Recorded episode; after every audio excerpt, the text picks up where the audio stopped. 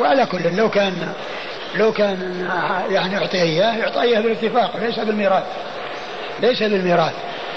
لأنه إذا كان يعني متباعدين يعني مثل الأزد الأزد يعني يعني قبيلة من العرب من اليمن منهم الأوس والخزرج ويعني في مسافة طويلة يعني يعني في حتى يوصل إلى آه، الجد الذي ينتمون إليه.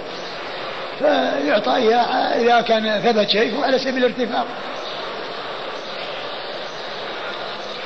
قال حدثنا موسى بن إسماعيل قال حدثنا حماد قال أخبرنا عمرو بن دينار عن عوسجة عن ابن عباس رضي الله عنهما أن رجلا مات ولم يدع وارثا إلا غلاما له كان أعتقه. فقال رسول الله صلى الله عليه وآله وسلم هل له أحد؟ قالوا لا إلا غلاما له كان أعتقه فجعل رسول الله صلى الله عليه وآله وسلم ميراثه له. ثم ورد أبو داود حديث ابن عباس أن غلاما أن رجلا ترى مات ولم يدع إلا غلاما هو أعتقه يعني عتيق يعني مولى من أسفل. المولى من أعلى هذا وارث ما فيه إشكال. المولى من أعلى يرث الذي هو المعتق. لأنه صاحب النعمة. وهو يرث من أجل النعمة. يعني بالولاء. عندما تنتهي آه، عصوبة النسب أو لا توجد عصوبة النسب. عند ذلك يصار إلى عصوبة الولاء. والولاء لحمة, لحمة كلحمة النسب. يعني يورث به كما يورث بالنسب. ولكنه متأخر عن النسب. لا يأتي إلا بعد انتهاء آآ آآ من يمكن أن يرث من العصبة من جهة النسب. وهذا إنما ترك مولا من أسفل يعني معتقا. ومعلوم أن المعتق يعني حصل له نعمة له نعمة من المعتق وقد أحسن إليه. وذلك لا يقتضي أن يكون وارثا ولكنه لو ثبت وهو غير ثابت أي الحديث لكان محمولا على أساس مثل ما مر في حديث الرجل من أهل القرية. أن المقصود به الارتفاق والإحسان وأنه لما بينه وبينه من الصلة آه، يكون أولى من عموم سائر الناس. هذا لو ثبت. لا على أنه ميراث لأن آه، آه، المولى من أسفل لا يرث. قال إيش؟ أن رجلا مات ولم يدع وارثا إلا غلاما له كان اعتقه. فقال رسول الله صلى الله عليه وسلم هل له أحد؟ قالوا لا إلا غلاما له كان اعتقه فجعل رسول الله صلى الله عليه وآله وسلم ميراثه له. قال حدثنا موسى بن إسماعيل. موسى بن إسماعيل التبوذكي البصري ثقة أخرج له أصحاب كتب الستة. عن حماد عن حماد وهو بن سلمة البصري ثقة. أخرج له البخاري تعليقا ومسلم وأصحاب السنن وإذا جاء حماد آه، يروي عن موسى بن إسماعيل وهو مهمل غير منسوب فإنه يراد به حماد بن سلمة وليس حماد بن زيد. نعم. عن عمرو بن دينار. عن عمرو بن دينار ثقة أخرج له أصحاب كتب الستة. عن عوسجة. عن عوسجة وهو ليس بمشهور. ليس بمشهور. أخرج له أصحاب السنن ليس بمشهور أخرج له أصحاب السنن والعلماء تكلموا في الحديث من أجل عوسجة وقالوا أن رواية منهم من قال رواية عمرو بن دينار عنه لا تصح. رواية عمرو بن دينار لا تصح. وضعفوا الحديث به. نعم. عن ابن عباس. عن ابن عباس عبد الله بن عباس بن عبد المطلب ابن عم النبي صلى الله عليه وسلم وأحد العباد الأربعة من الصحابة وأحد السبعة المعروفين بكثرة الحديث عن النبي صلى الله عليه وسلم قال رحمه الله تعالى باب ميراث ابن الملاعنة قال حدثنا إبراهيم بن موسى. حدثنا إبراهيم بن موسى الرازي قال حدثنا محمد بن حرب قال حدثني عمر بن رؤبة التغلبي عن عبد الواحد بن عبد الله النصري عن واثلة بن الأسقع رضي الله عنه عن النبي صلى الله عليه وآله وسلم أنه قال المرأة تحرز ثلاثة مواريث عتيقها ولقيطها وولدها الذي لا عنت عنه. ثم ورد أبو داود باب في ميراث ابن الملاعنة وهي التي لاعنت زوجها أو لاعنها زوجها وكانت حاملا والوالد ادعى أنه من زنا وحصلت الملاعنة وفرق بينهما وصار الوالد بريئا منه يعني لا ينسب إليه لا ينتسب إليه لأنه انتفى منه باللعان ولكنه مضاف إلى أمه هي أمه. ف فيكون التوارث بينهما.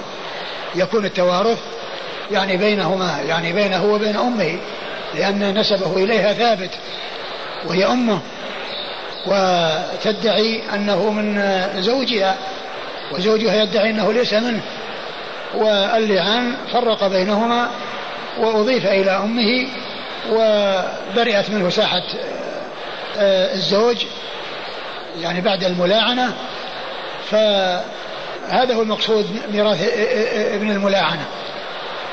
وقد اختلف أهل العلم في ذلك فمنهم من قال إن ابن الملاعنة يرث آه، أن يعني أن أن التوارث بين آه، ابن الملاعنة وبين أمه أنها ترثه آه، كما ترث أبناءها الذين أبناءها الذين لهم الذين لهم آباء أو لهم أب. يعني و ومنهم من قال إنها تحوز ميراثه وأنها تستقل بميراثه وأنها, وأنها تكون له بمثابة العصبة لأن العصوبة من جهة الأب ذهبت ولم يثبت له نسب إلى الأب فصارت هي بمثابة أبيه وأمه فصار ميراثه أو ميراثها منه مثل ميراث المعتقة التي ترث المال كاملا وتستقل بالميراث فإذا من أهل العلم من قال إنها ترث ما تستحقه كما ترث أبناءها الذين هم من آباء ثبتت أنسابهم ومنهم من قال إنها. أن أنها آه، ترثه كما يرث أصحاب التعصيب وأنها كالمعتقة بمعنى أنها تستقل بالميراث لأن النسب انقطع من جهة الأب فصار النسب من جهة الأم فصارت بمثابة الأب والأم فتكون آه فتكون هي المعصبة فتكون أولى من غيرها تكون أولى من غيرها. وإذا كان له أبناء أو زوجة في هذا ال ال يعني هذا الذي هو ابن الملاعنة فإنهم يأخذون وعلى هذا القول هي تأخذ ما أبقت الفروض. تأخذ ما أبقت الفروض ولا يفرض لها شيء. على اعتبار أنها معصبة. وهذا الحديث بهذا اللفظ يدل على على ذلك. لأنها قال تحوز. ومعنى ذلك أنها تستقل به. ميراث عتيقها وهذا بإجماع ما في خلاف. متفق عليه. أن المرأة المعتقة أنها تحوز ميراث عتيقها لأنها صاحبة النعمة عليه وليس في النساء من ترث تعصيبا بالنفس إلا المعتقة فإنها تحوز جميع الميراث والذين هم أصحاب التعصيب هم كلهم ذكور. ولكن فيه في النساء من ترث بالتعصيب وهي المعتقة. ولهذا يقول الرحبي وليس في النساء طرا عصبة إلا التي منت بعتق الرقبة. أي التي منت بعتق الرقبة هي المعتقة فإنها تحوز الميراث. فالحديث هذا يعني يدل على أنها تحوز ميراث ابنها الذي هو الذي لعنت عليه. أنها تحوزه وتستقل به وترثه كاملا. و وال وفيه لقيطها واللقيط هو الذي التقط. يعني ليس له ليس له أب ولا أم ولا يعرف أبوه وأمه وإنما التقط من السوق وقامت بتربيته وتنشئته وقامت بتربيته وتنشئته والإحسان إليه فتحوز ميراثه لكن آه المعروف عند العلماء أن اللقيط حر وأنه ليس لأحد عليه لا, لا, لا, لا يعرف له نسب ولا يعرف له ولاء والإرث إنما يكون بالنسب والولاء. وهذان غير موجودين. هذان غير موجودين ف فلا تكون وارثة آه، للقيطها وإنما آه، إن وجد له من يرثه من أولاد أو أولاد وزوجة.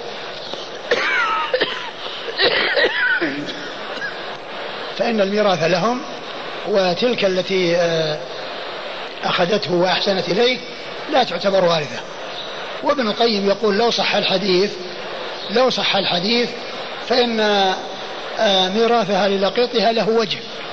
قال وإحسانها إليه بكونها ألتقطته وهو صغير ونبأته وربته ونشأته يعني هذه النعمة ليست أقل ليست ليست أكثر يعني آه، آه، من نعمة العتق كونها أعتقته وكان مملوكا فأعتقته فإن هذه نعمة عظيمة وتلك نعمة عظيمة.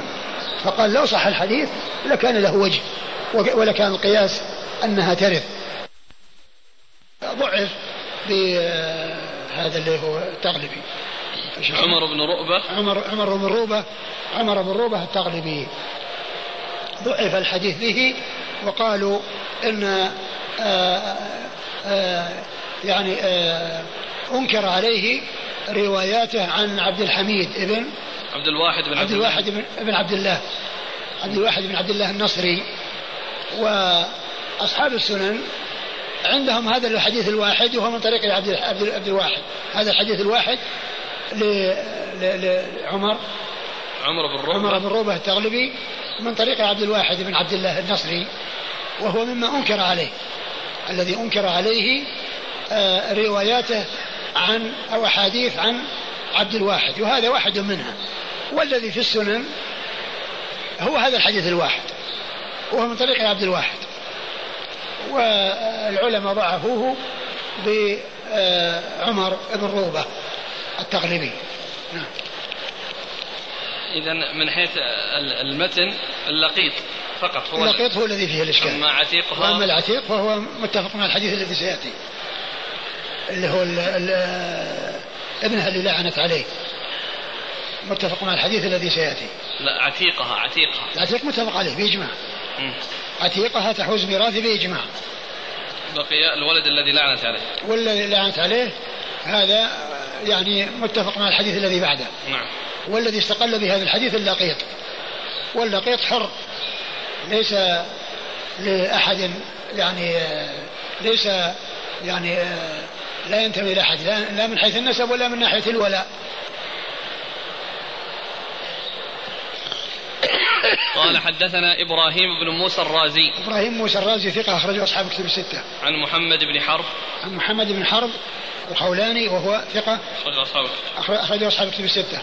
عن عمر بن رؤبة التغلبي. عن عمر بن رؤبة التغلبي وهو قال عنه صدوق أخرجه أصحاب السنة. قال عنه صدوق ولكن آه، في تهذيب التهذيب يعني آه، آه، أكثر الكلام فيه قدح. ما فيه إلا أنه وثقه ابن حبان ذكر ابن حبان في الثقات. وفيه أن أحد أحد العلماء قال لا أعلمه إلا ثقة. وإلا فإن آه، الأكثر ذكروا أنه لا يحتج به. نعم. عن عبد الواحد بن عبد الله النصري. عبد الواحد بن عبد الله النصري وهو ثقة أخرجه البخاري وأصحاب السنة. ثقة أخرجه البخاري وأصحاب السنة. عن واثلة بن الأسقع. عن واثلة بن الأسقع رضي الله عنه صاحب رسول الله صلى الله عليه وسلم وحديثه أخرجه أصحاب كتب الستة.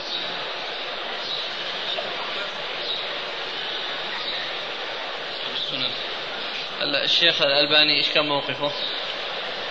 الألباني ضعف الحديث.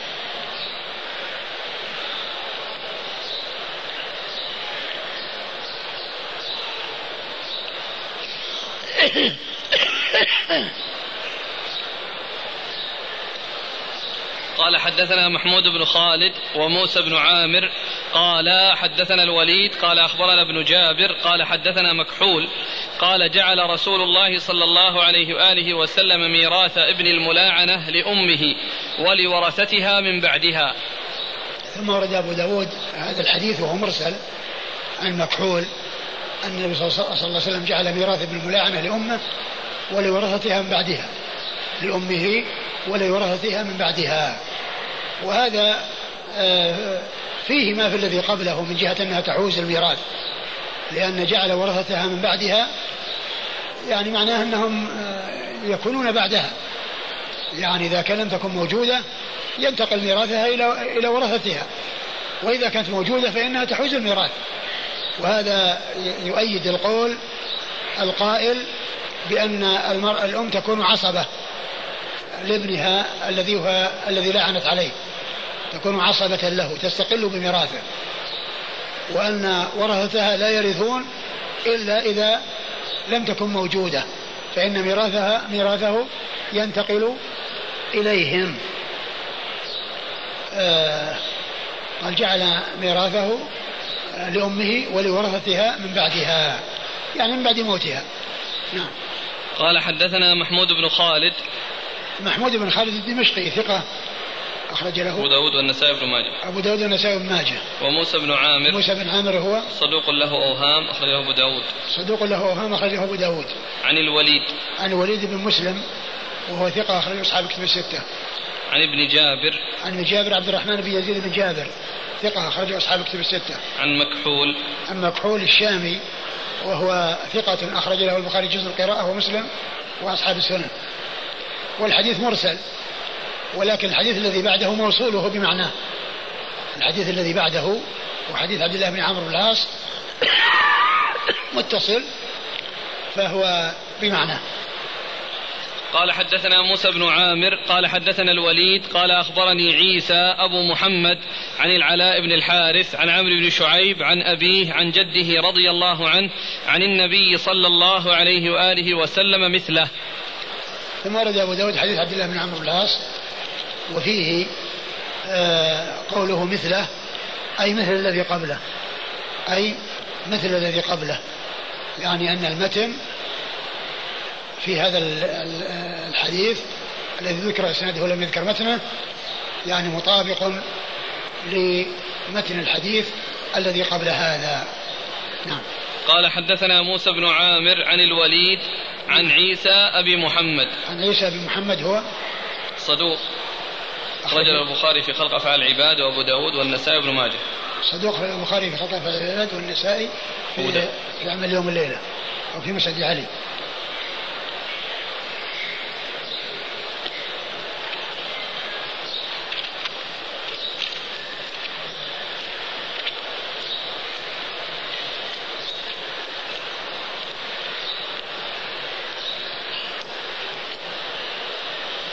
عمل اليوم والليلة شيء.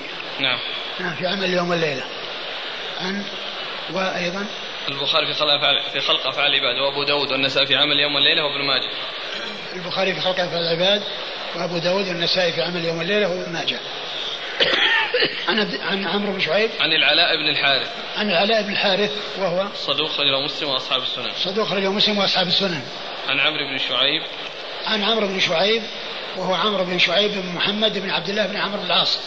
وهو صدوق أخرج حديثه البخاري في جزء آه، القراءة وأصحاب السنن الأربعة. عن أبي. عن أبي شعيب محمد وهو أيضا صدوق أخرجه البخاري في الأدب المفرد وجزء القراءة نعم. وأصحاب السنن عن جده. عن جده عبد الله بن عمرو بن العاص رضي الله تعالى عنهما الصحابي الجليل أحد العباد الأربعة من أصحاب النبي عليه الصلاة والسلام وهم عبد الله بن عمرو بن العاص وعبد الله بن عمر بن الخطاب وعبد الله بن الزبير بن العوام وعبد الله بن عباس بن عبد المطلب رضي الله تعالى عنهم وعن الصحابة أجمعين وحديثه أخرجه أصحاب الكتب الستة. انتهى الباب. نعم. والله تعالى أعلم وصلى الله وسلم وبارك على عبده ورسوله نبينا محمد وعلى آله وأصحابه أجمعين. جزاكم الله خيرا وبارك الله فيكم ونفعنا الله بما قلت.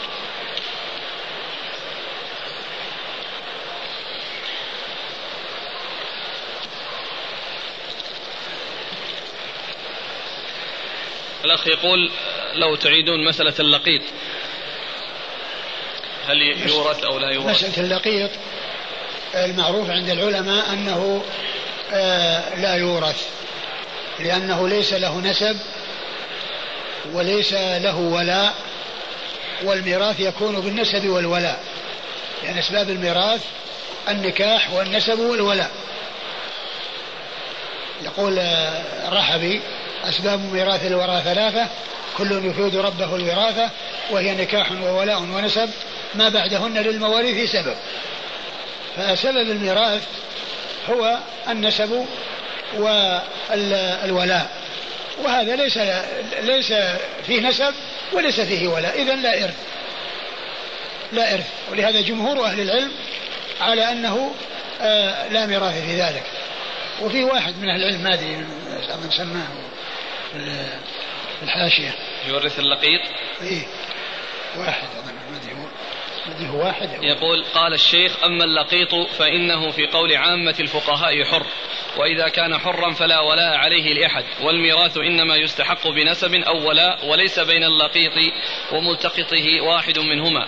وكان إسحاق بن راهوية يقول ولاء اللقيط لملتقطه ويحتج بحديث واثلة وهذا الحديث غير ثابت عند أهل النقل. نعم وإذا إسحاق راهوية.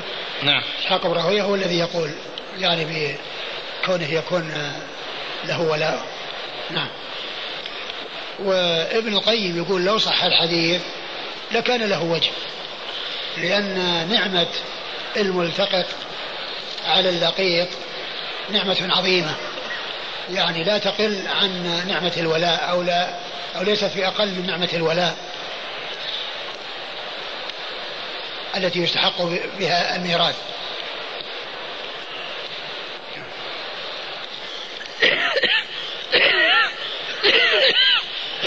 صلى الله عليه وسلم أنا أولى بكل مؤمن من نفسه. أي يسدد دين المؤمن. فكيف يجمع مع أنه صلى الله عليه وسلم كان من هديه لا يصلي على من كان عليه دين؟ هذا كان في أول أمر. هذا كان في أول أمر. لما, لما لم يكن هناك أموال وليس هناك مال. وبعد ذلك كان يعطي من بيت المال.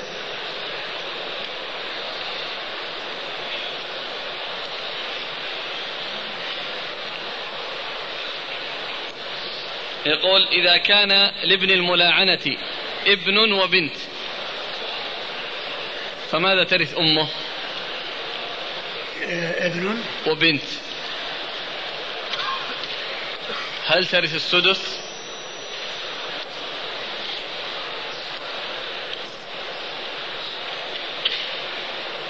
آه، نعم ترث السدس لأن هناك من هو أولى منها. هناك من هو أولى منها وهو آه، الإبن. وهذا يقول توفي لقيط عن زوجة وابنه. الزوجة لها الثمن والابنة لها النصف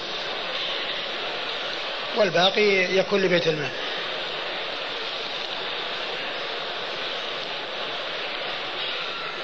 بالنسبة أو, أو يرد. أو يعني يرد على على مسألة مسألة الرد. نعم. مسألة إيش يا شيخ؟ الرد الرد.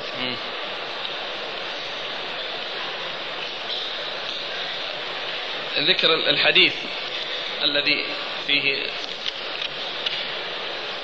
أن مولى للنبي صلى الله عليه وسلم مات وترك شيئا ولم يدع ولدا ولا حميما فقال أعطوا ميراثه رجلا من أهل قريته. يقول الأخ أسامة ألا يمكن أنه أدخله الإمام أبو داود في هذا الباب في ميراث ذوي الأرحام لأنه أعطى أقرب شيء من أهل قريته. من باب الأولى. من باب أولى إن كان هناك ذو رحم فإنه يعطى الميراث. إذا كان في رحم ما في إشكال. هو يقول كذا يقول ما دام إنه ما أعطاه إلا أقرب. نفس الكلام يعني كونه من أهل قريته. كلام على ذكر القرية. القرية هذه ما ما تدل على على قرابة. أقول ما تدل على قرابة. فيها ولا حميما. لأنه قال ولا حميما ما في قريب يعني. يعني حتى يمكن قرابة الرحم هي موجودة. لكن هذا كما هو معلوم يعني جاء في في باب ذوي الأرحام تبعا. يعني جاء تبعا وإعطاؤه قاله على سبيل الارتفاق وليس على سبيل الميراث. لا زالت المحاولات في بيان لماذا أدخل أبو داود رحمه الله الحديث؟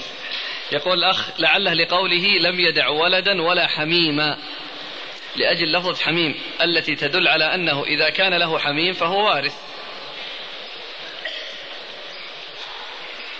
نعم يعني من ناحية حميم بالمعنى العام الذي هو القريب مطلقا يعني آه، سواء كان وارث بالفرض والتعصيب أو بشيء آخر وراء ذلك الذي هو ذوي الأرحام.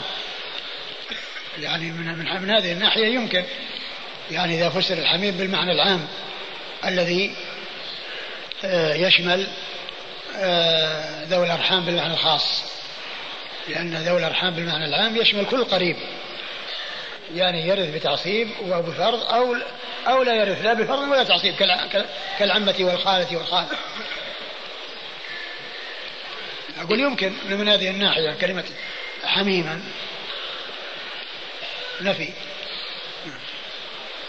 إذا انفرد واحد من ذوي الأرحام كالخال هل يرث كل المال؟ لا. ما يرث إلا الميراث من أدلابه رجل توفي وترك زوجة وليس لها أولاد.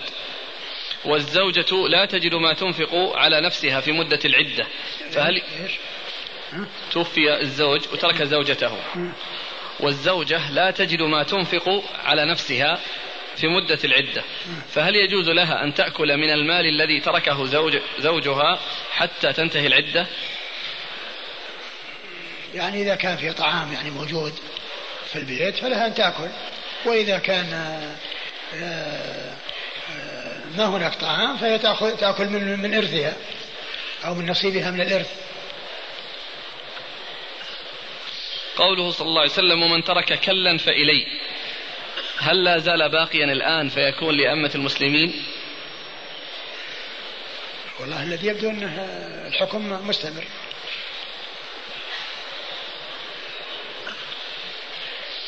كيف يرث الخال ميراث الأم الثلث أو السدس؟ أي في حالة وجود الفرع الوارث أو جمع من الأخوة؟ لا أقول هو أصلا لا لا يرث مع وجود الفرع الوارث ولا جمع من الأخوة وإنما هو يرث إذا عدم إذا عدم الفرع من يرث بالفرض ويرث بالتعصيب. إذا عدم؟ من يرث بالفرض وبالتعصيب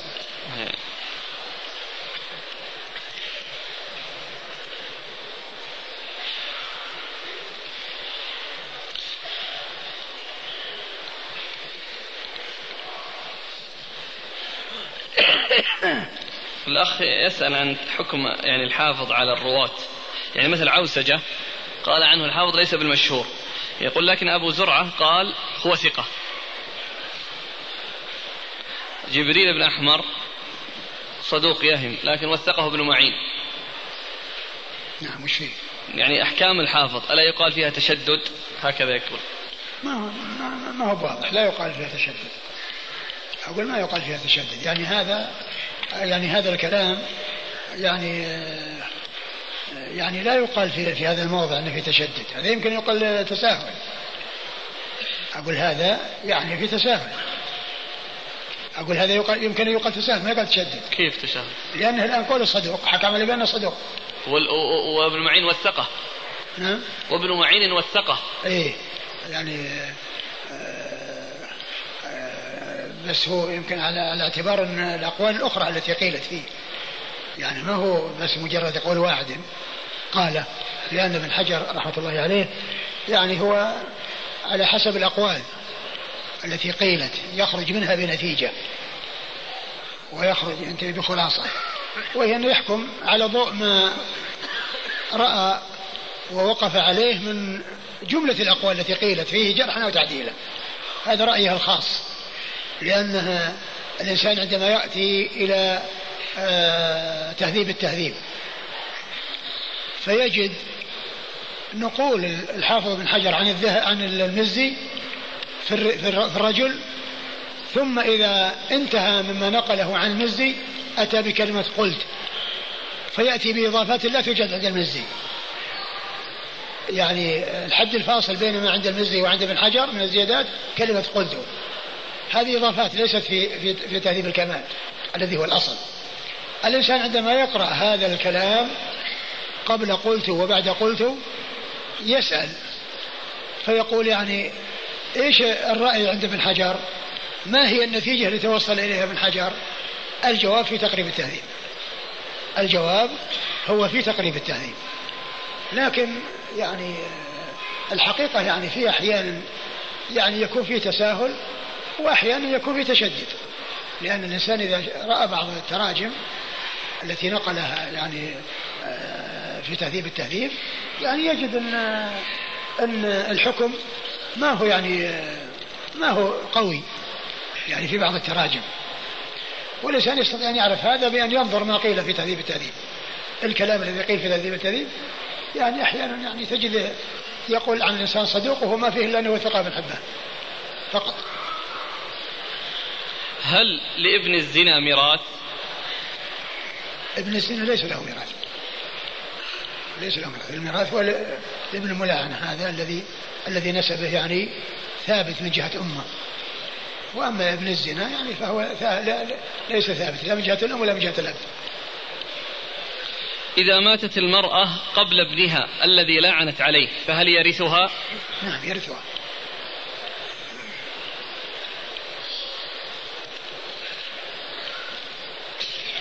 يقول أنا رجل من الجزائر عندي مصنع وشاحنات فيأتيني الإرهابيون يطلبون المال. يأتي إيش؟ الإرهابيون. إيه. يطلبون المال. يقولون له وإلا نقتلك أو نحرق المصنع. فهل أنا آثم معهم في جرائمهم علما بأني أعطيهم المال حفاظا على حياتي وأموالي؟ أبدا لست بآثم. أقول لست بآثم. كونك تتخلص من شرهم بالمال تتخلص من قتلك أو من إحراق مصنعك يعني لست بآثم أنت معذور.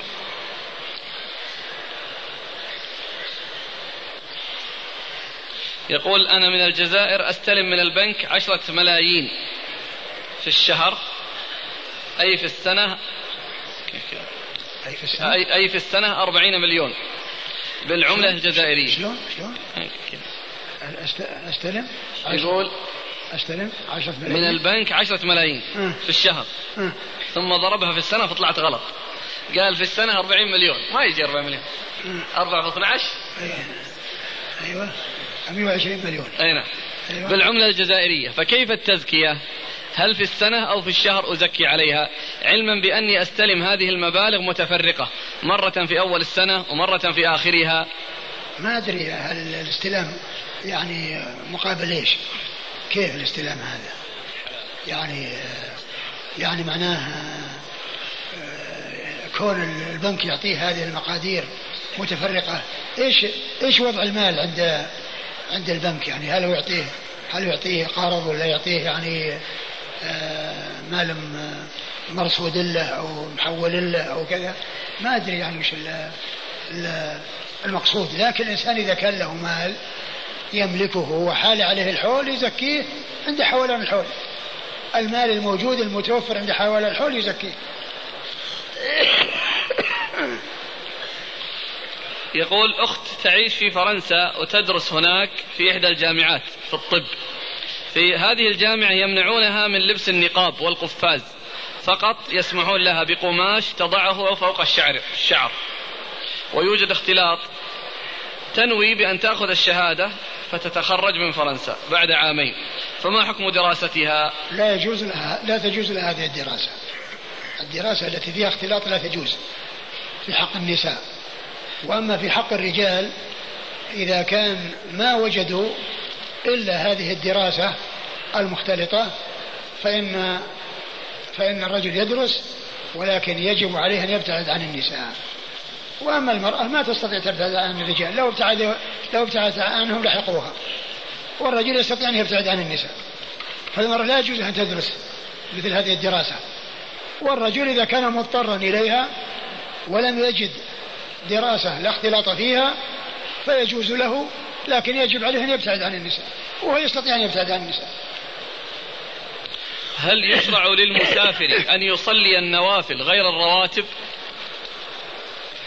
نعم يعني مثل مثل يعني مثل صلاة الضحى أو مثل كون كونه يعني صلاة الليل ومثل يعني كونه مثل ما جاء في الحديث انه يعني الرسول يتنفله على راحلته أينما توجه يعني يصلي يبدأ الصلاة إلى القبلة ثم يذهب أينما توجهت الراحلة. نعم فهذه النوافل مطلقة جائزة. ما حكم أخذ حبوب منع الحيض لأداء فريضة الحج أو لأداء الصيام في رمضان؟ إذا كان ما يترتب على ذلك مضرة للمرأة في جسمها لا بأس بذلك. سجود التلاوة. هل له تكبير وتسليم؟ ما ما نعلم فيه شيء يدل عليه. فيه فيه التكبير وهو وهذا المشهور لكن ما ما نعلم عن شيء يعني ثابت يدل عليه. يعني آه، سبق أن أنها جاء ذكر المسألة والبحث فيها. آه، السؤال السابق وهو التكبير والتسليم. لسجود التلاوة. آه، التسليم ليس له تسليم. والتكبير بعض أهل العلم قال إن له تكبير. ولكن ما نعلم شيء. يعني واضح يدل على هذا. وأذكر أن في حديث قيل أنه في مستدرك الحاكم. وكان آه، آه، الكلام يعني هل هو من طريق عبيد الله بن عمر بن حفص بن عاصم بن عمر المصغر أو من طريق عبد الله المكبر. و آه، وبالرجوع إلى آه، المستدرك وجد أنه المكبر. وأيضا كذلك يعني آه، طلبت من بعض الأخوان البحث عن نسخ خطية. ف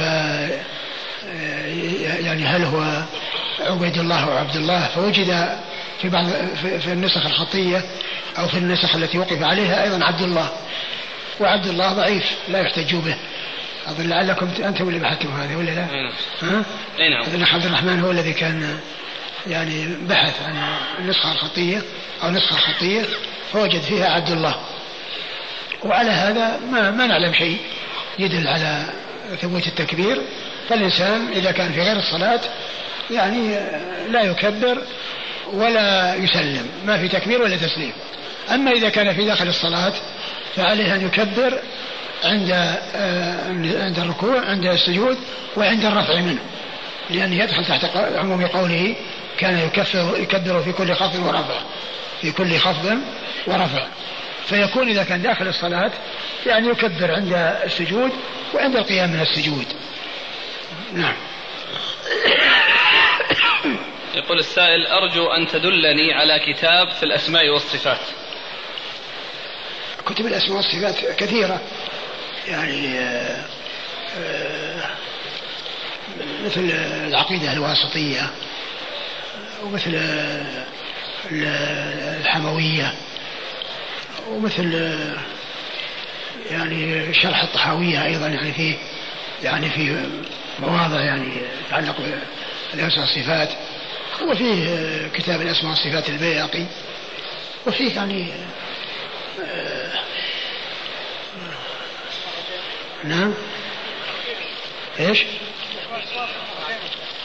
الأسماء والصفات الخزيمة له كتاب الأسماء والصفات؟ ما التوحيد ذاك ذاك كتاب التوحيد. بكتاب اسم الأسماء والصفات ما ما يقول عندنا في البلد إذا مات الرجل قبل أبيه فإنهم يورثون ابن الرجل هذا من الجد. إذا مات إذا مات الرجل قبل أبيه. فإنهم يورثون ابن هذا الرجل يعني من جده نعم. بحكم الوصية الواجبة. فما الحكم؟ إذا كان الميت أوصى بأن يكون لابن الابن أو أبناء الابن وهم غير وارثين شيء من الثلث فينفذ ذلك ويصح لأنه غير وارث والوصية له. وأما كون وصية واجبة وأن يجب على الإنسان أن يوصي له لا ما, ما هناك شيء يدل عليه ما هناك شيء يدل على إيجاب الوصية لأحد والنبي صلى الله عليه وسلم قال إن الله أعطى كل ذي حق حقه فلا وصية لوارث أعطى كل ذي حق حقه فلا وصية لوارث كان كانت الوصية مشروع مشروعة وكان وقد جاء القرآن بها ولكنه بعد ما نزلت آية المواريث نسخت الوصية فليس هناك وصية واجبة. ولكن كون الإنسان يوصي بثلث ماله أو بشيء من ثلث ماله لمن لا يرث من أقاربه لا بأس بذلك. أما كونه لازم ليس بلازم وليس بواجب. من صلى مع الإمام من أول الصلاة وفي أثناء الركعة الثانية انشغل بقراءة الفاتحة فركع الإمام ورفع والمأموم بدأ بعد ذلك بالركوع فأدرك الإمام في الرفع من الركوع فهل تحتسب له هذه الركعة؟ تحتسب يلحقه يلحقه يركع ويلحقه. هل يجوز تقليد العالم؟ آه ال ال الإنسان الذي عنده معرفة بالحق وتمكن من معرفته يجب عليه الأخذ بما ينتهي إليه. والإمام الشافعي رحمة الله عليه يقول أجمع المسلمون على أن من استبانت له سنة رسول الله صلى الله عليه وسلم لم يكن له أن يدعها لقول أحد. وأما إذا كان الإنسان ما عنده قدرة وليس عنده تمكن من معرفة الحق بدليله. فإذا كان عنده من يثق بعلمه ودينه وهو متمكن من ذلك سأله وإن لم يكن يجد آه، هذا أيضا فإنه يقلد يعني يتبع مذهب مذاهب أهل السنة كمذهب أبي حنيفة ومالك والشافعي وأحمد. والله تعالى يقول فاتقوا الله ما استطعتم. هل يجوز أن أعطي إخوتي من مال الزكاة؟ الإخوة يجوز أن تصرف لهم الزكاة إذا كانوا فقراء لكن ينبغي أن يعلم أن الأقارب لهم حقوق في المال غير الزكاة. فإذا كانت المال قليل والزكاة قليلة ولا يتمكن من أن يعطي من ماله فيعطيهم الزكاة وهم أولى بها من غيرهم. وأما إذا كان المال كثيرا فالأقارب لهم حقوق غير الزكاة. فلا يجعل الإنسان الزكاة وقاية لماله. بعض الناس يتخلص من الحقوق التي عليه بالزكاة. يقول الزكاة خارجة خارجة وإذا ما أعطيتهم الزكاة سأضطر إلى أن أعطيهم من غير الزكاة. فأنا إذا أعطيتهم الزكاة سلمت على مالي وأبقيت على مالي. هذا لا يجوز. لا يجوز أن تكون الزكاة وقاية للمال. لا يجوز أن تكون الزكاة وقاية للمال. مثل مسألة أخرى يعني تشبيهها. بعض الناس إذا كان له دين على إنسان يتقاضى دينه بأن بأن يحسمه من دين آه، هذا الشخص الذي آه، أعسر في الدين. فتكون الزكاة معناه أن الإنسان آه، يسدد يأخذها ديون عن الفقراء على اعتبار أنه بدل ما يعطي الفقير يعني معناه أنه خصم من دينه. هذا أيضا لا يجوز. لا يجوز الإنسان. الحاصل أن القريب له حق غير الزكاة فإذا كان المال كثيرا فليعطيه من ماله ولا يجعل الزكاة وقاية للمال. نعم. يحصل الزكاة من الدين. يعني معناه مقدار الزكاة. يقول يعني مثلا يقول له يعني ترى كانت عندك لنا ألف ريال ولكن يعني آه، الزكاة يعني 500 ريال يعني خصمنا عنك 500 ما يبقى عليك إلا 500 يعني معناه أنه يستوفي يستوفي ديونه بالزكاة. بدل ما يعطيها الفقراء والمساكين يجعلها في مقابل الديون. زوج أختي عنده قطعة أرض. وليس له مال لبنائها. هل يجوز أن أعطيه من مال الزكاة ليبني هذه القطعة؟ مال الزكاة تعطيه الفقراء والمساكين. لا تعطيه لأحد يبني له بيت إذا كان تريد تساعده ساعده من مالك ما هو من الزكاة. هل يعتبر كتاب التدبرية في الأسماء والصفات للشيخ الإسلام ابن تيمية أفضل كتاب في هذا الفن؟ والله ما أستطيع أقول هذا ما ما أدري. يقول سمعت حديث عن النبي صلى الله عليه وسلم ست مجالس إذا مات فيها العبد المؤمن كان حقا على الله أن يدخله الجنة. المجلس الأول من مات في مجلس إمام عادل. الثاني في عيادة المريض. فهل هذا الحديث صحيح؟ والله ما أعرف لا أعرف عنه شيئا. عند رجوعي إلى أهلي يقولون الناس لي ادعوا الله لنا. فهل يجوز ذلك؟ الحاج. آه ينبغي ينبغي له أن يقول ادعوا أنتم لأنفسكم. ادعوا لأنفسكم. يعني إذا قيل له ادعوا يدعو لكن يقول لهم ادعوا لأنفسكم. يعني لا يتخذون كون الإنسان آه، آه، يطلب منه الدعاء وهم يهملون الدعاء. وهم يهملون أن يدعوا لأنفسهم. من صلى خلف مأموم أدرك مع إمام المسجد الركعة الأخيرة. وقام للإتمام فأتى أناس فصلوا خلفه وهم يعلمون أنه إنما أدرك ركعة واحدة. يجوز. المسبوق يجوز أن يكون إماما في ما يقضي من صلاته. هل العمرة في أشهر الحج مثل شهر شوال عليها هدي لغير سكان مكة؟ العمرة التي آه، معها حج آه، طبعا فيها هدي إذا وقعت فيها يعني في أشهر في أشهر الحج. وشوال هو أول أشهر الحج. فالإنسان إذا تمتع بأن أحرم بالعمرة في أشهره وحج فإن عليه هدي التمتع. رجل يسأل أنه لم يصم مدة ثمان سنوات متتالية فما حكم الشرع فيه الآن؟ وهل كان يصلي أو لا يصلي؟ إن كان لا يصلي فلا يقضي. وإن كان لا يصلي وإن كان يصلي ولكنه ما ما صام فإنه يصوم ويقضي. لي خال وأسلفته مال وليس له مال يرد ذلك الدين. هل آخذه من الزكاة؟ هذا هو الجواب هذا هو الجواب الذي أجبنا عليه. وقلنا أنه يشبه الذي يقي آه، ماله بالزكاة بحيث يعطيها لأقاربه. فذلك أيضا لا يجوز له. ولكن خالك إذا كان فقير أعطه من الزكاة ليأكل. أعطيه ليأكل. أما كونك تخصم حقوقك التي عنده وتجعل الزكاة آه، طريق إلى تسديد الديون لا هذا لا يجوز. ما حكم تحية المسجد بين صلاة العصر والمغرب؟ في ذلك خلاف بين أهل العلم. منهم من قال إذا دخل المسجد فإنه يصلي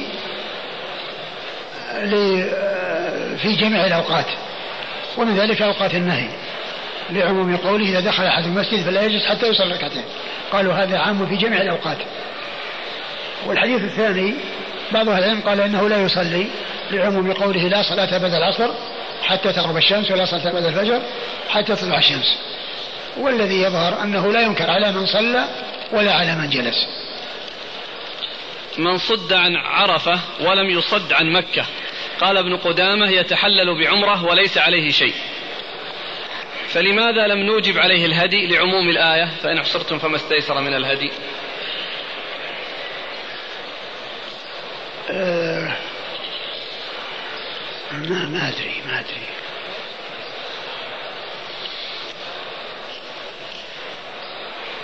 هل يجوز للشخص أن يغير وجه الزكاة إذا كان مؤتمنا في توزيعها من نقد إلى أشياء عينية كبر أو رز؟ الذي عليه أن يؤدي الزكاة كما هي فإذا كانت الزكاة نقود يقسمها نقود وإذا كانت تمر يقسمها تمر. وإذا كانت بر يقسمها بر. وهكذا. ما هي الديانة التي كان عليها والد النبي صلى الله عليه وسلم؟ ديانة عبد المطلب. ملة عبد المطلب ملة الآباء والأجداد. إن وجدنا آباءنا على أمة وإنا على آثارهم مقتدون. ما صحة الأربعين صلاة في المسجد النبوي؟ ورد في ذلك حديث ضعيف. لم يثبت عن النبي صلى الله عليه وسلم. هل ننكر على من يمسح وجهه بعد الدعاء؟ ما ورد في هذا سنة عن رسول الله صلى الله عليه وسلم يبين له أنه ما ثبت في هذا شيء. رفع اليدين ثبت وأما مسح الوجه باليدين بعد الدعاء ورد فيه أحاديث ضعيفة. والله تعالى أعلم وصلى الله وسلم وبارك على ورسوله نبينا محمد وعلى آله وأصحابه أجمعين. بسم الله الرحمن الرحيم. الحمد لله رب العالمين والصلاة والسلام على عبد الله ورسوله نبينا محمد وعلى آله وصحبه أجمعين. أما بعد قال الإمام أبو داود السجستاني رحمه الله تعالى باب هل يرث المسلم الكفار؟ قال حدثنا مسدد قال حدثنا سفيان عن الزهري عن علي بن حسين عن عمرو بن عثمان عن أسامة بن زيد رضي الله عنهما عن النبي صلى الله عليه وآله وسلم أنه قال لا يرث المسلم الكافر ولا الكافر المسلم. بسم الله الرحمن الرحيم الحمد لله رب العالمين صلى الله وسلم وبارك على عبده ورسوله نبينا محمد وعلى آله وأصحابه أجمعين. أما بعد يقول الإمام أبو داود السيستاني رحمه الله تعالى باب هل يرث المسلم الكفار؟ آه هذه ترجمة معقودة لبيان آه التوارث بين المسلمين والكفار هل يكون أو لا يكون؟ وقد اختلف العلماء في هذه المسألة فمنهم من قال إن الكافر لا يرث المسلم والمسلم يرث الكافر ومنهم من قال لا توارث. بين المسلمين والكفار والكفار والمسلمين. فالمسلم لا يرث الكافر والكافر لا يرث المسلم. وجمهور العلماء على القول بعدم التوارث بين المسلمين والكفار. كون الكفار لا يرثوا المسلمين هذا متفق عليه ولكن كون المسلمين يرثون الكفار فيه خلاف. فجمهورهم على أنه لا توارث. لعموم قوله صلى الله عليه وسلم في هذا الحديث المتفق على صحته حديث أسامة بن زيد لا يرث المسلم الكافر ولا الكافر المسلم والقول الثاني يقول إن المسلم يرث الكافر دون العكس أي أن الكافر لا يرث المسلم. ويستدلون على ذلك بالقياس على نكاح الكتابيات وأننا ننكح نساءهم ولا ينكحون نساءنا فإذا نحن نرثهم ولا يرثوننا. نرث منهم ولا يرثون منا. وكذلك بالحديث الإسلام يعلو ولا يعلى وكذلك الإسلام يزيد ولا ينقص. والصحيح هو أنه لا توارث بين المسلمين والكفار للحديث الصحيح الثابت في ذلك عن رسول الله صلى الله عليه وسلم المتفق على صحته.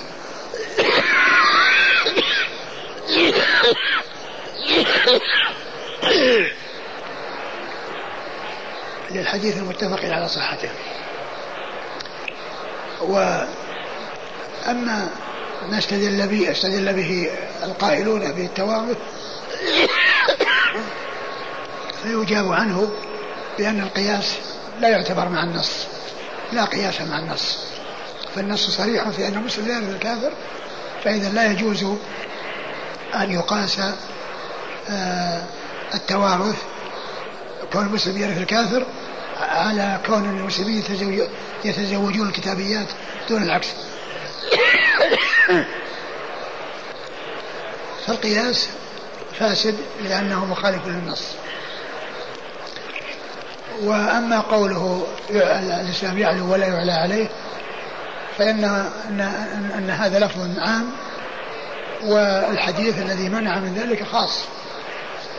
ثم يحمل حديث الإسلام يعلو ولا يعلى عليه على معنى أن الغلبة للإسلام والعلو للإسلام كما قال الله عز وجل هو الذي أرسل رسوله بالهدى ودين الحق ليظهره على الدين كله ولو كره المشركون. وكون الإسلام يعني يزيد يعني بالدخول فيه ولا ينقص بالارتداد عنه وكذلك آه، يزيد في فتح البلاد ودخول واتساع رقعة البلاد الإسلامية وذلك بالجهاد في سبيل الله فهذا من الزيادة والعلو. ومنه قول الله عز وجل أولم يروا أن نأتي الأرض ننقصها من أطرافها؟ أفهم الغالبون. فإن كون المسلمين آه، يأخذون بيد الكفار ويستولون عليها شيئا فشيئا وتنقص بلاد الكفار وتزيد بلاد المسلمين والغلبة للإسلام وأهله. ولهذا قال أفهم الغالبون وإنما الغلبة للإسلام وأهل الإسلام حيث فتحوا البلاد وأخرجوا الناس من الظلمات إلى النور واتسعت بلاد المسلمين وانحسرت وانتقصت بلاد الكفار فإن هذا هو أحسن ما قيل في معنى الآية. فلم فلم يروا أن نأتي ننقص من أطرافها أفهم الغالبون. وعلى هذا فالقول الصحيح أن المسلم لا يرث الكافر كما أن الكافر لا يرث المسلم. ثم كون قوله لا يرث المسلم الكافر ولا الكافر المسلم آه الكفار هل هل يتوارثون؟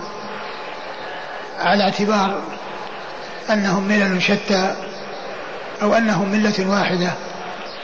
وسيأتي الحديث في ذلك آه، عن رسول الله صلى الله عليه وسلم ولكن الذي آه، يتعلق بالترجمة وهو كون المسلمين لا يرثون الكفار هذا هو القول الصحيح الذي دل عليه حديث أسامة بن زيد رضي الله عنه الذي أورده مصنف لا يرث المسلم الكافر ولا الكافر المسلم. نعم. قال حدثنا مسدد. مسدد بن مسرهد البصري. ثقة أخرجه البخاري وأبو داود والترمذي والنسائي. عن سفيان. عن سفيان بن عيينة المكي ثقة أخرج له أصحاب كتب الستة. عن الزهري. عن الزهري محمد بن مسلم بن عبيد الله بن شهاب الزهري ثقة أخرج له أصحاب كتب الستة. عن علي بن حسين. عن علي بن حسين وهو ثقة أخرج له أصحاب كتب الستة. عن عمرو بن عثمان. عن عمرو بن عثمان بن عثمان بن عفان وهو ثقة أخرج أصحاب ثقة أخرج أصحاب كتب الستة.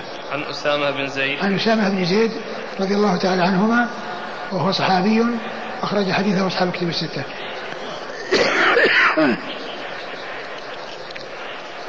الآية لو تعيد وجه الاستدلال والقول الصحيح فيها. أولم يروا أن نأتي الأرض ننقصها من أطرافها؟ أولم يروا أن نأتي الأرض ننقصها من أطرافها؟ أي الكفار يعني ألا يرون أن نأتي الأرض ننقصها من أطرافها؟ يعني بأن يأخذها المسلمون ويأخذون بلاد الكفار فتنقص بلاد الكفار وتضاف إلى بلاد المسلمين. فيكون في ذلك قوة الإسلام وأهله واتساع بلاد الإسلام وانحسار بلاد الكفار ونقصها. لا بس هو يعني مجال ذكرها هنا في الأدلة. لا هو على اعتبار الإسلام يعلو ولا يعلى عليه. قوله الإسلام يعلو ولا يعلى عليه يعني هذا العلو بالقوة والغلبة.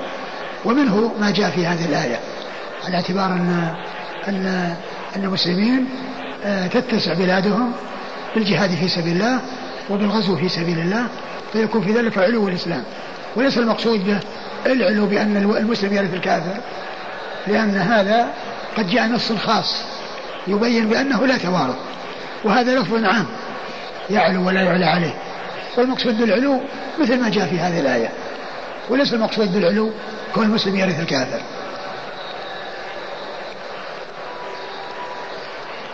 قال حدثنا أحمد بن حنبل قال حدثنا عبد الرزاق قال أخبرنا معمر عن الزهري عن علي بن حسين عن عمرو بن عثمان عن أسامة بن زيد رضي الله عنهما أنه قال قلت يا رسول الله أين تنزل غدا في حجته؟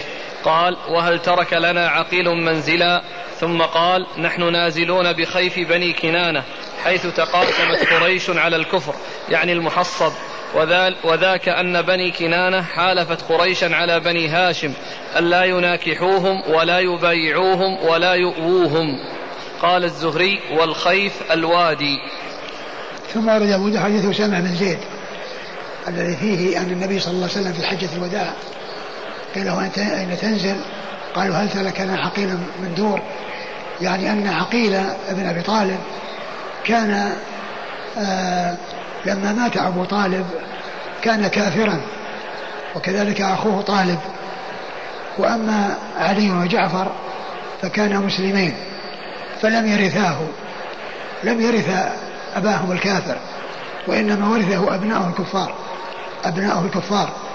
ولهذا تسلط أو تولى عقيل على الدور التي بمكة والتي خلفها أبو طالب وهي من عبد المطلب فباعها وتصرف فيها. وذلك بحكم أن الكافر ورث الكافر والمسلمين ما ورثوا كفار. فعلي وجعفر رضي الله تعالى عنهما كانوا مسلمين وأبوهما كافر وعقيل كان كافرا وطالب كان كافرا وعقيل في حال كفره تسلط على هذه وباعها ثم إنه أسلم بعد ذلك رضي الله عنه ودخل في الإسلام. ولكن آه، حين وفاة أبيه هو الذي ورثه هو أخوه طالب وأما علي وجعفر فلم يرثا لأنه لا توارث بين المسلمين والكفار. قال وهل ترك لنا عقيل منزلا؟ ثم نعم. قال نحن نازلون بخيف بني كنانة حيث تقاسمت قريش على الكفر يعني المحصب. ثم قال نحن نازلون بخيف بني كنانة. موضع وهو الذي تقاسمت بنو كنانة على إيش؟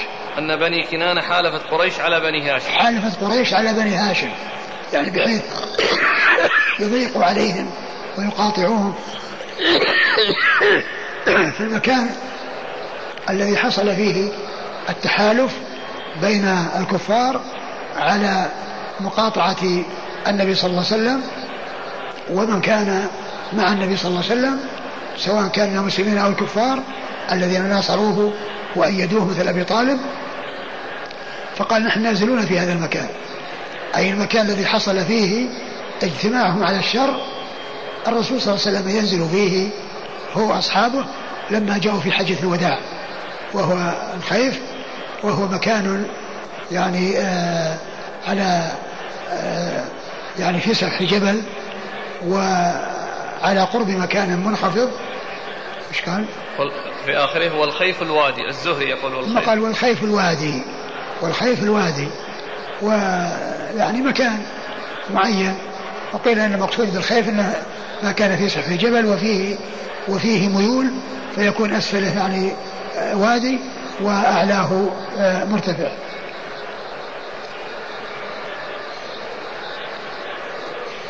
قال حدثنا أحمد بن حنبل أحمد بن حنبل أحمد بن محمد بن حنبل الشيباني الإمام الفقيه المشهور أحد أصحاب المذاهب الأربعة المشهورة من مذاهب أهل السنة وحديثه أخرجه أصحاب الكتب الستة. عن عبد الرزاق عبد الرزاق بن همام الصنعاني اليماني ثقة أخرجه أصحاب الكتب الستة. عن معمر عن معمر بن راشد الأزدي البصري ثم اليماني ثقة أخرجه أصحاب الكتب الستة. عن الزهري عن علي بن حسين عن عمرو بن عثمان عن أسامة بن زيد. وقد مر ذكر الأربعة.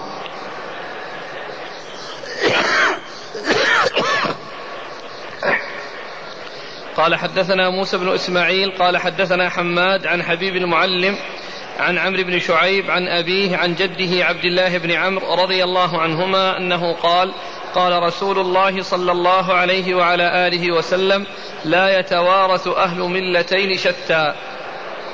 ثم رد أبو داود حديث عبد الله بن عمرو العاص رضي الله تعالى عنهما لا يتوارث أهل ملتين شتى. آه،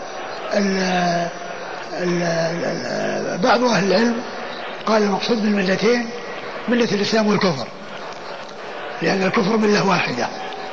فصارت ملة في مقابل الإسلام. فإذا الملل ملتان فقط إسلام وكفر. إسلام وكفر. ولهذا جاء في القرآن آه عن الكفار أن بعضهم أولياء بعض. فالكفر ملة واحدة. على اعتبار تعاون الكفار ومعاداتهم المسلمين فهم في ذلك يد واحدة وعلى منهج واحد وعلى طريقة واحدة. لأنهم وإن اختلفوا فيما بينهم فهم متفقون على عداء الإسلام وعلى محاربة الإسلام وأهل الإسلام. فبعض أهل العلم قال إن المقصود بالملتين الإسلام والكفر. ومن أهل العلم من قال إن المقصود بالملتين أي ملتين سواء كانت ملة الإسلام والكفر أو من الكفر نفسها. بحيث لا يتوارث اليهود والنصارى. اليهودي لا يرث النصراني. والنصراني لا يرث المجوسي. المجوسي لا يرث الوثني. وهكذا. وأن التوارث إنما هو في الملة الواحدة. بحيث يكون اليهودي يرث اليهودي. والنصراني يرث النصراني. والمجوسي يرث المجوسي. والوثني يرث الوثني. وأما أن يتوارث من, من, من, من هو في ملة من ملة أخرى فإنه لا توارث لهذا الحديث. وقوله صلى الله عليه وسلم لا يتوارث أهل الملتين شتى. أي مطلقة. أي ملة. من الملل. فمقتضاه أن المسلمين لا أن المسلم لا يرث الكافر واليهودي لا يرث النصراني والنصراني لا يرث المجوسي وهكذا لأن المقصود به يعني عموم الملل. والله عز وجل ذكر في القرآن أن الكفر ملل. قال إن الذين الذين آمنوا والذين هادوا والنصارى والصابئون والمجوس والذين أشركوا فعددهم وذكرهم وهم ملل. وإن كانوا متفقين على حرب الإسلام وأنهم شيء واحد بالنسبة للاسلام حرب الإسلام ولكنهم ملل شتى ومناهج مختلفة. فإذا لا يتوارث آآ آآ لا يرث أهل المله الملة. الكافر النصراني لا يرث النصراني المجوسي والمجوسي لا يرث اليهودي وهكذا. وقد اختلف العلماء في ذلك على أقوال. فعند الإمام الشافعي وأبي حنيفة أن الكفر ملة واحدة وأن وأنهم يتوارثون. اليهودي يرث النصراني والنصراني يرث المجوسي وهكذا. وعند الإمام مالك رحمة الله عليه ثلاث ملل. اليهودية ملة والنصراني ملة وسائر الملل الأخرى ملة واحدة. ما عدا اليهودية والنصرانية ملة واحدة. وعند الإمام أحمد أنهم ملل شتى متعددة مختلفة. فاليهودي لا يرث النصراني والنصراني لا يرث المجوسي والمجوسي لا يرث الوثني وهكذا. فهم ملل شتى مختلفة لا يرث بعضهم من بعض. و وهذا الحديث بعمومه يدل على أنه لا توارث بين الملل المختلفة وسواء كان في ذلك بين ملة الإسلام والكفر أو بين الكفار أنفسهم أو بين الكفار أنفسهم فإنه لا توارث بينهم. المسلم لا يرث الكافر لا يرث النصراني لا يرث اليهودي واليهودي لا يرث النصراني والنصراني لا يرث المجوسي وهكذا. و آه قد ذكر صاحب ألفية الفرايض في ألفية في الفرايض اسمها عمدة الفارض وشرحها ولها شرح واسع اسمه العيب الفائض في شرح عمدة الفارض في الفرائض وهي ألفية. ذكر يذكر فيها مسائل الخلاف وعندما ذكر هذه المسألة ذكرها بوضوح فقال والكفر عند الشافعي ملة ووافق النعمان والأجلة. وعند مالك ثلاث ملل وملل شتى لدى ابن حنبل. ثم قال وأثر اختلافهم قد ظهر في كافر من المجوس قبرا فخلف ابنا أولا مجوسي وثانيا من وثن منحوسي وثالثا أيضا وقد تنصر ورابعا هود ثم حضر. فعند أبي حنيفة والشافعي جميع ما خلف بين الأربعة جاء الكفر ملة واحدة. جميع ما خلف بين الأربعة. هذه الملل أولاده الأربعة الذي هو مجوسي وخلف يهودي ونصراني ووثني ومجوسي. الأربعة يشتركون لأن الكفر ملة واحدة. هذا عند أبي حنيفة والشافعي. فعند أبي حنيفة والشافعي جميع ما خلف بين الأربعة. ومالك ورثه للوثني وللمجوسي باتفاق بيني. لأن اليهود لأن ما عدا اليهود والنصارى ملة. فجعله خاصا بالوثني والمجوسي ولم يجعل اليهودي والنصراني شيء. و وأحمد ورث المجوسي للاستواء في ملة الخسيسي. يعني معناه أنه قصره على المجوسي لأن الكفر عنده ملل شتى ف والذي يظهر أن الحديث عام يدخل فيه يعني سائر الملل فلا يتوارث أهل ملتين شتى كما جاء بذلك الحديث عن رسول الله صلى الله عليه وسلم نعم قال حدثنا موسى بن إسماعيل موسى موسى بن إسماعيل التبوذكي البصري ثقة أخرج له أصحاب كتب الستة. عن حماد عن حماد بن سلمة البصري ثقة أخرجه البخاري تعليقا ومسلم وأصحاب السنة. عن حبيب المعلم عن حبيب بن ذكوان المعلم وهو ثقة أخرجه أصحاب كتب الستة. في حبيب وفي. حسين حبيب حسين في لا أقول في حبيب وفي حسين. هذاك حسين بن ذكوان. هذا وش هذا؟ هذا حبيب. حبيب؟ إيه. حبيب بن ما أدري بس هذا غير. وهو بن ذكوان؟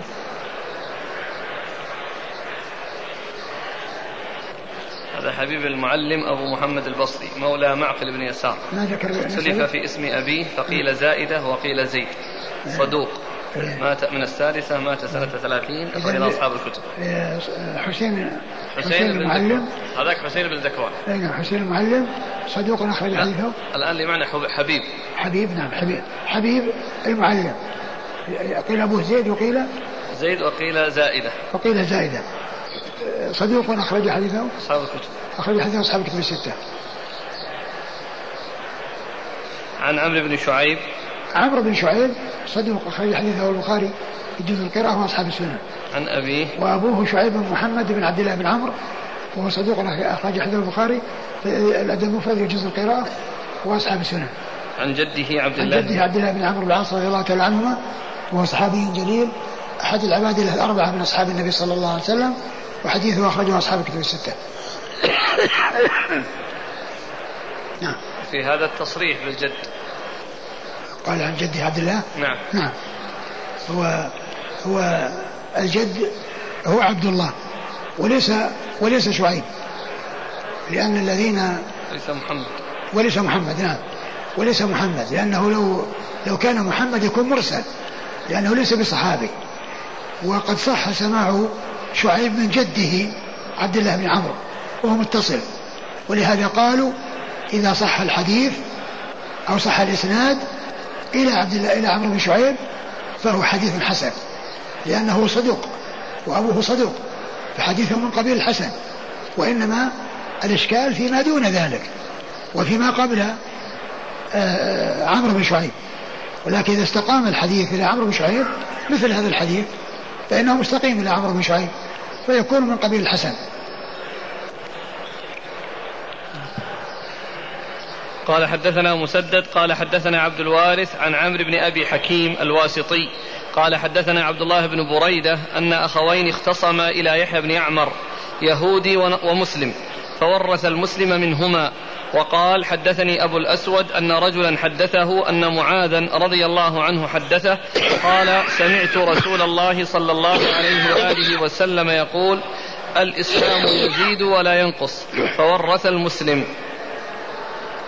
ثم أورد أبو داود هذا الحديث أو هذا الأثر الذي فيه أن يحيى بن يعمر آه، اختصم إليه أخوان يهودي ومسلم وأبوهم يهودي فورث المسلم فورث المسلم وأسند إلى معاذ أن النبي صلى الله عليه وسلم قال الإسلام يزيد ولا ينقص. الإسلام يزيد ولا ينقص؟ المقصود أنه يزيد يعني بالدخول فيه ولا ينقص بالارتداد عنه ولا ينقص بالارتداد عنه. و آه، وذكر عن معاذ أنه آه، ورث المسلم وقدمه على الكافر. والحديث فيه رجل مجهول في الإسناد وهو غير صحيح وقوله يزيد ولا ينقص لفظ مجمل لا يدل على أن المقصود بذلك التوارث والحديث واضح في أنه الذي تقدم المتفق على صحته لا يرث المسلم الكافر ولا الكافر المسلم فإذا لا توارث بين المسلمين والكفار لا المسلمين يرثون الكفار ولا الكفار يرثون المسلمين.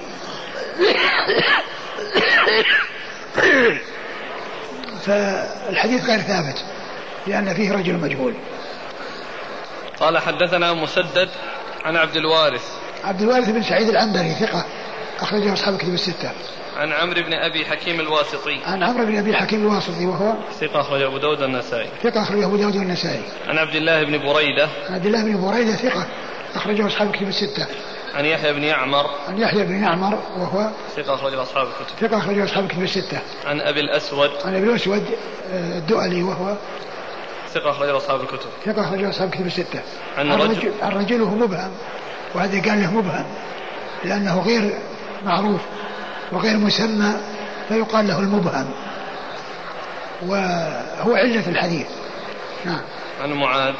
عن معاذ بن جبل رضي الله تعالى عنه صاحب رضي الله عنه صاحب رسول الله صلى الله عليه وسلم وحديثه أخرجه أصحاب الكتب الستة. قال حدثنا مسدد قال حدثنا يحيى بن سعيد عن شعبة عن عمرو بن أبي حكيم عن عبد الله بن بريدة عن يحيى بن يعمر عن أبي الأسود الديلي أن معاذا رضي الله عنه أتي بميراث يهودي وارثه مسلم بمعناه عن النبي صلى الله عليه وآله وسلم. ثم ورد الحديث من طريق أخرى وقال إنه بمعناه وفيه علة الانقطاع لأن هنا فيه آه، أبو الأسود الديري يروي عن عن معاذ وهناك فيه رجل مبهم بينه وبين معاذ فيكون هنا يعني منقطع فلا يحتج به. وحديث آه، لا يرث المسلم الكافر ولا الكافر المسلم هذا هو العمدة في هذا الباب. هو حديث متفق عليه نعم قال حدثنا مسدد عن يحيى بن سعيد يحيى بن سعيد القطان البصري ثقة أخرج أصحاب الكتب الستة. عن شعبة عن شعبة بن الحجاج الواسطي البصري ثم البصري ثقة أخرجه أصحاب الكتب الستة. عن عمرو عن عمرو بن أبي حكيم عن عبد الله بن بريدة عن يحيى بن يعمر عن أبي الأسود الديلي عن معاذ. وقد مر ذكرهم.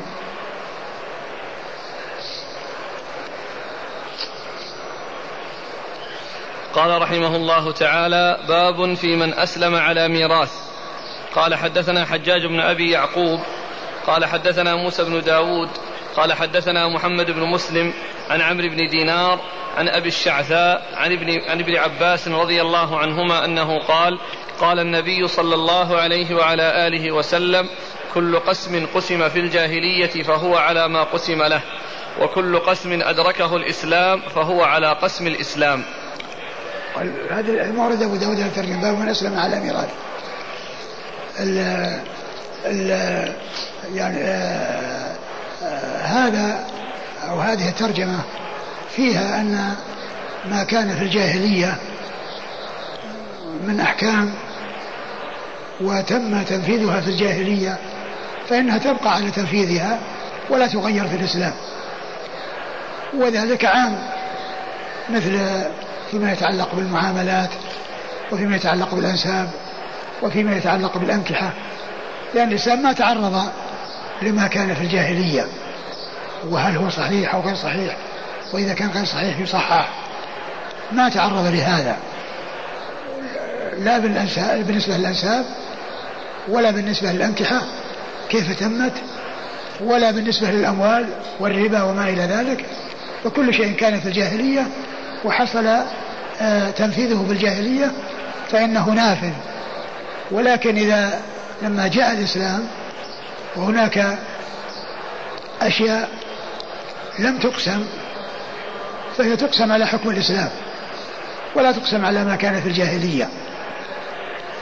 وهناك أشياء آه، لا تقر في الإسلام لأنها أثرها باق. مثل آه، بعض المسائل التي آه، آه، تكون مثل أن يكون رجل يسلم وعنده أختان فإنه لا يقر على الجمع بينهما. فيلزمه أن يترك واحدة منهما. ومثل يكون رجل يسلم وعنده أكثر من أربع نسوة فلا يقر على الزيادة على أربع. فيختار أربع ويفارق الباقي. ويفارق الباقي. فإذا الأحكام التي كانت في الجاهلية وتم تنفيذها في الجاهلية تبقى على ما كانت عليه. والأشياء التي أدركها الإسلام فإنه يؤتى فيها بحكم الإسلام.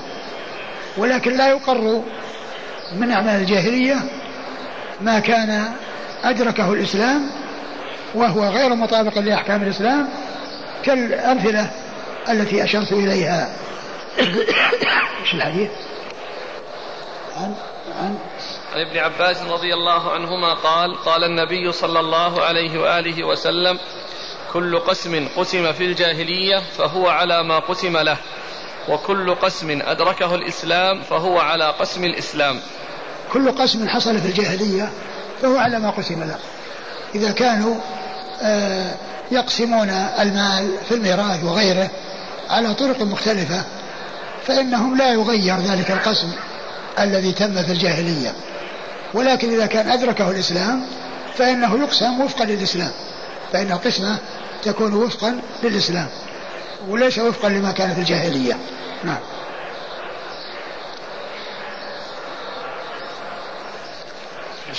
قال حدثنا حجاج بن أبي يعقوب.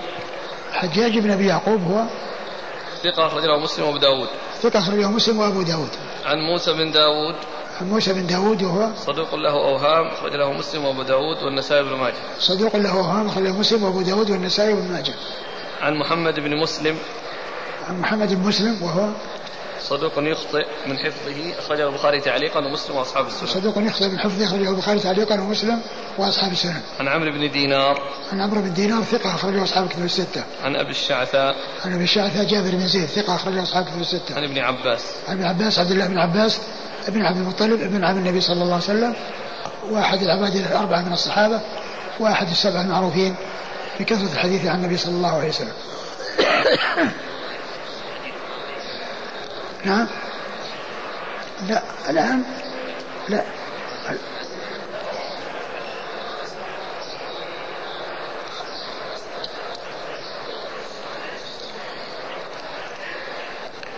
نعم إذا كان يعني إنسان آه، آه، آه، كافر و يعني وحصلت القسمة طبقا في حال الكفر فكما هو معلوم يعني يبقى على ما هو عليه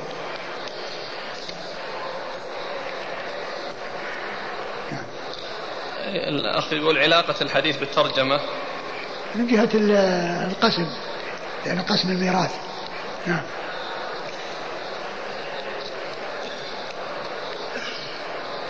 قال رحمه الله تعالى باب في الولاء. قال حدثنا قتيبة بن سعيد قال قرئ علي قرئ على مالك وأنا حاضر.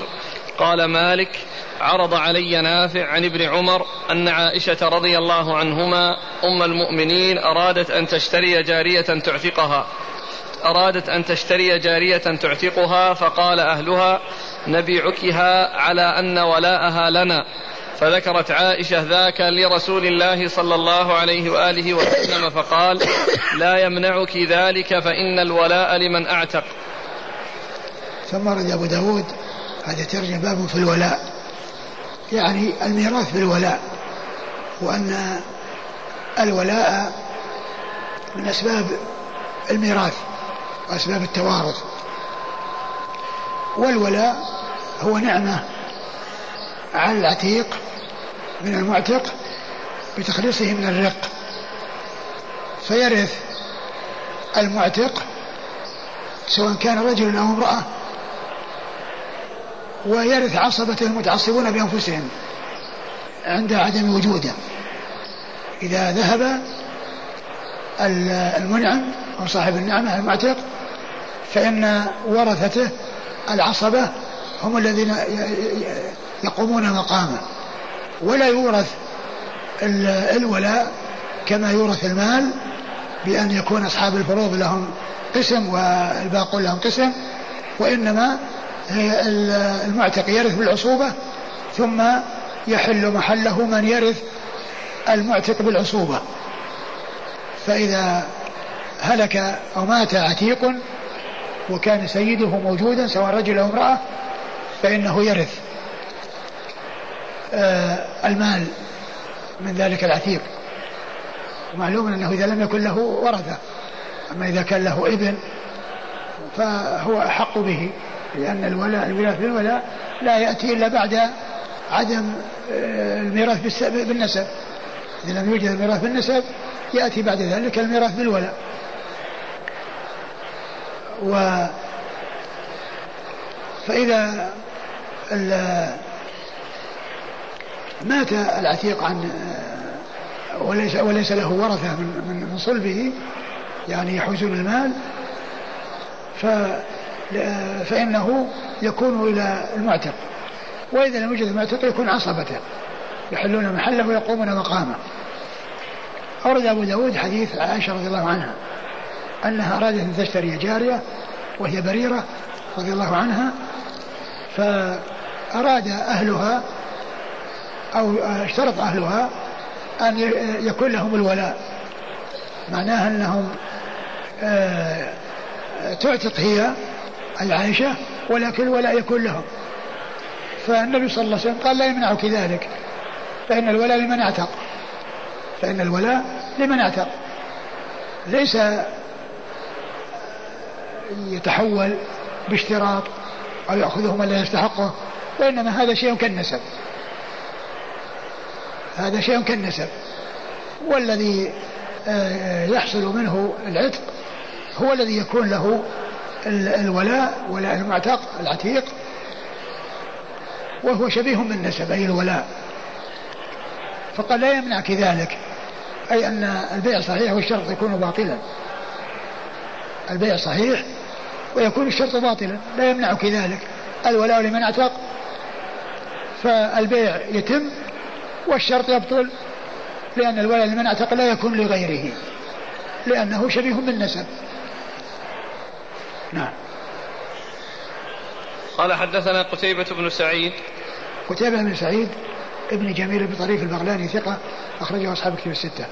قال قرئ على مالك وأنا حاضر. قال قرئ على مالك وأنا حاضر.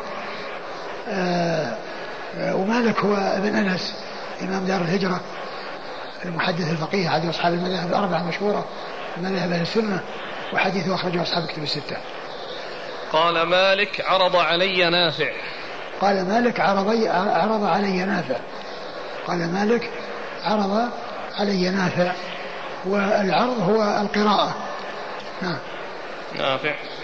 نعم. نافع هو نافع مولى بن عمر ثقة أخرج أصحاب في الستة.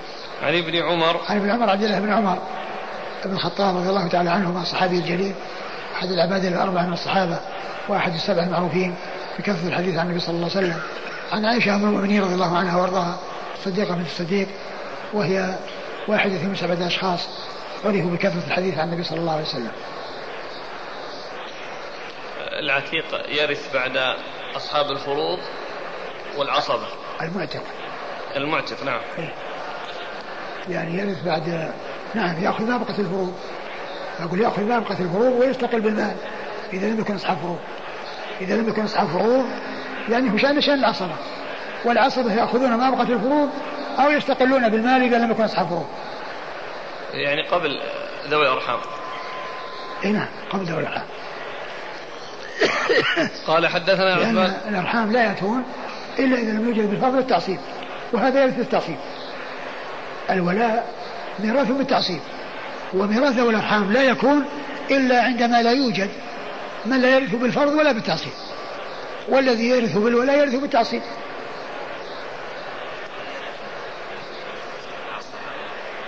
لا إذا كان في أولى منه وأقرب منه فإن عصبة النسب مقدمون على عصبة العتق على عصبة الولاء. وإنما يكون هذا إذا لم يوجد. من يعصبه من حيث النسب. يرث آه، المعتق وعصبته. وعصبة المعتق. إذا كان غير موجود.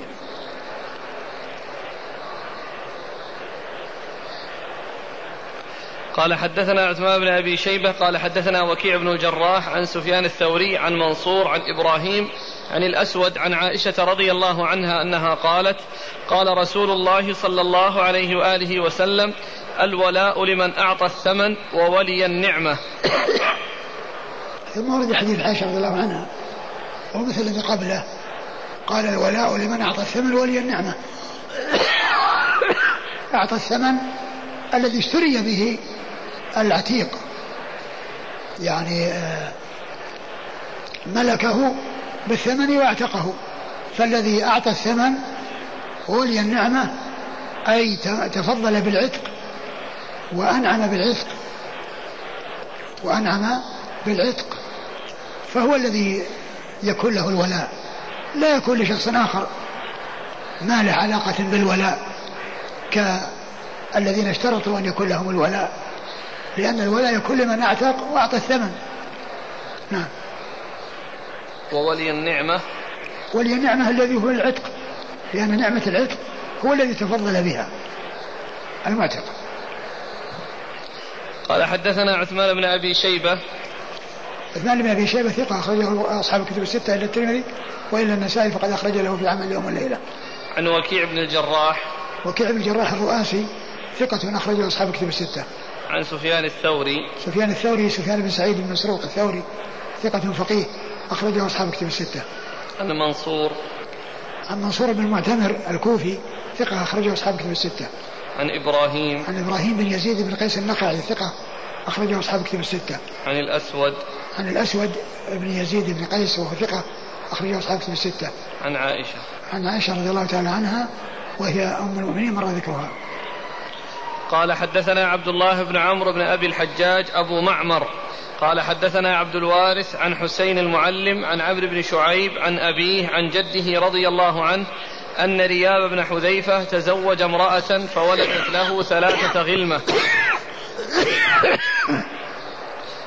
أن رياب بن حذيفة تزوج امرأة فولدت له ثلاثة غلمة فماتت أمهم فورثوها رباعها وولاء مواليها. وكان عمرو بن العاص عصبة بنيها. فأخرجهم إلى الشام فماتوا. فقدم عمرو بن العاص رضي الله عنه ومات مولى لها ومات مولى لها وترك مالا له. فخاصمه إخوتها إلى عمر بن الخطاب رضي الله عنه فقال عمر قال رسول الله صلى الله عليه وآله وسلم ما أحرز الولد أو, أو الوالد فهو لعصبته من كان. قال فكتب له كتابا فيه شهادة عبد الرحمن بن عوف وزيد بن ثابت رضي الله عنهما ورجل آخر. لما استخلف عبد الملك اختصموا إلى هشام بن إسماعيل أو إلى إسماعيل بن هشام. فرفعهم إلى عبد الملك فقال هذا من القضاء الذي ما كنت أراه. قال فقضى لنا بكتاب عمر بن الخطاب فنحن فيه إلى الساعة. ثم أبو داود آه شيء عن عبد بن شعيب عن أبيه عن جده وبعدين الحديث عن عمر.